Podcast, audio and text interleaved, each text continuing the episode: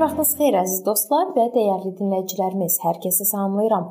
Mənim adım Sona və sizi Allahla 5 dəqiqə adlı podkastımızda xoş gördüm. Bu gün biz imanlar cəmiyyətində qarşılıqlı münasibətlər barədə danışmağa davam eləyirik. Və keçən görüşdə biz paxıllıq barədə dedik. İmanlar cəmiyyəti xidmətçiləri paxıllığın asan şikarlarına çevirə bilərlər.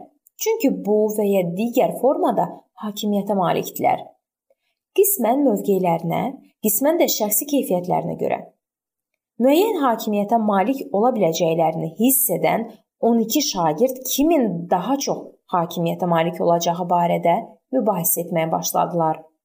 Yaqub və Yəhya fəal olmağa və ən böyük payı əldə etməyə çalışdıqda, qalan şagirdlər narazı qaldılar. Bunu siz Matta müjdəsi 20-ci fəsil 20-dən 28-ci ayəyə qədər oxuya bilərsiniz. Onların paxıllıq hissi və hakimiyyət uğrunda mübarizəsi Roma dövlətində hakimiyyətdə olanların davranışından heç nə ilə fərqlənmirdi. İsa izah edir ki, onun padşahlığı bütpərəst padşahlığından fərqlənəcək. Onun padşahlığındakı başçılar özlərinə xidmət etməyi tələb etmirlər, özləri başqalarına xidmət edirlər. Bu gün biz bundan dərs çıxarmalıyıq kəbin kəsməyə və ya başqa imanlar cəmiyyətində vəz demək üçün dəvətlərin sayı və ya xidmətçilərin müşavirisinə təkliflərimizin neçə dəfə qəbul edilməsindən və ya xidmətçilərin müşavirəsində təkliflərimizin neçə dəfə qəbul edilməsindən irəli gələrək bizdə özümüzü başqaları ilə müqayisə etmək həvəsi yarana bilər. Amma yadda saxlasaq ki, Rəbb bizi fərqli ölçü vahidləri ilə ölçür onda başqa xidmətçilərlə qarşılıqlı münasibətlərdə və birgə çalışmalardakı gərginlikdən özümüzü xilas edə bilərik. Bəs xidmət sahəsində bu necə baş verir? İmanlar cəmiyyəti xidmətçilərinin onların xidmətlərini müəyyən edən müxtəlif vəzifələri var. Bir çox cəmiyyətdə ümumi xidmətçilər, birbaşa xidmətçilər, yəni pastorlar və diakonlar var. Ümumi xidmətçilər ümumən imanlılar cəmiyyətini himayə edirlər. Xidmətçilər, yəni pastorlar, imanlar cəmiyyətinə rəhbərlikdə, vəzlərdə, qardaş və bacılarının ruhani məsələlərdə himayəsində iştirak edirlər. Diakonlar isə imanlılar cəmiyyətinin maddi məsələlərinə cavabdehdirlər. Həmçinin xəstələrinin və yoxsulların ehtiyaclarının qayğısına qalırlar. İmanlar cəmiyyəti xidmətçilərinin müxtəlif vəzifə və məsuliyyətlərinin olmasına baxmayaraq, onlar hamısı birgə çalışır və imanlar cəmiyyətini irəli aparırlar. Gəlin münaqişələrin kökünü araşdıraq.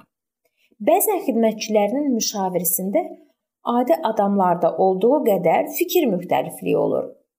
Mahiyyət etibarı ilə burada pis heç bir şey yoxdur. Üstəlik, birgə müzakirə razılaşma və ya razılaşmama, ideya təklifi və ya ideyanın rədd edilməsi, nəhayət ümumi qərarın qəbul edilməsi. Bütün bunlar xidmətçilərdən ibarət qrupu bir yerə yığa bilən sağlam fəaliyyətdir. Bəs xidmətçilər bir-birinin əleyhinə kökləniblərsə və sağlam mübahisələri dinləmək istəmirlərsə, onda necə? Bu halda onlar əslində tərəzidə olanı, bütün ibadətin xeyrini gözdən qaçırırlar. Onlar Məsihin ürəkdən gələn duasını unudurlar. Hamısı bir olsun. Bu Yəhya 17:21-də yazılıb. Bəzən bu vəziyyəti daimi münaqişəyə çevrilənədək, bəzən də icma parçalananadək düzəltmək olur. Münaqişə baş verəndə həmişə hər iki tərəf günahkardır? Çox vaxt hə. Amma həmişə yox. Şaul və Davud arasında olan münaqişəni xatırlayın ya da Musa ilə Qorah arasında. Habilin düşməninə çevrilən Qabili xatırlayın. Niyə? Çünki Qabilin işləri şər idi. Onun qardaşı isə salih işlər görürdü. Həmçinin imanlar cəmiyyətlərində münaqişələr açıq-aşkar həqiqət və aşkar yanlışlıqla, salihlik ilə qeyri-salihlik arasında baş verə bilər.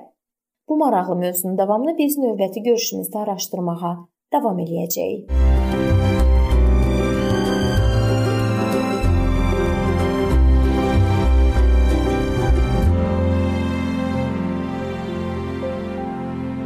Beləliklə siz dostlar, bu yerdə bu mövzu sona çatdı.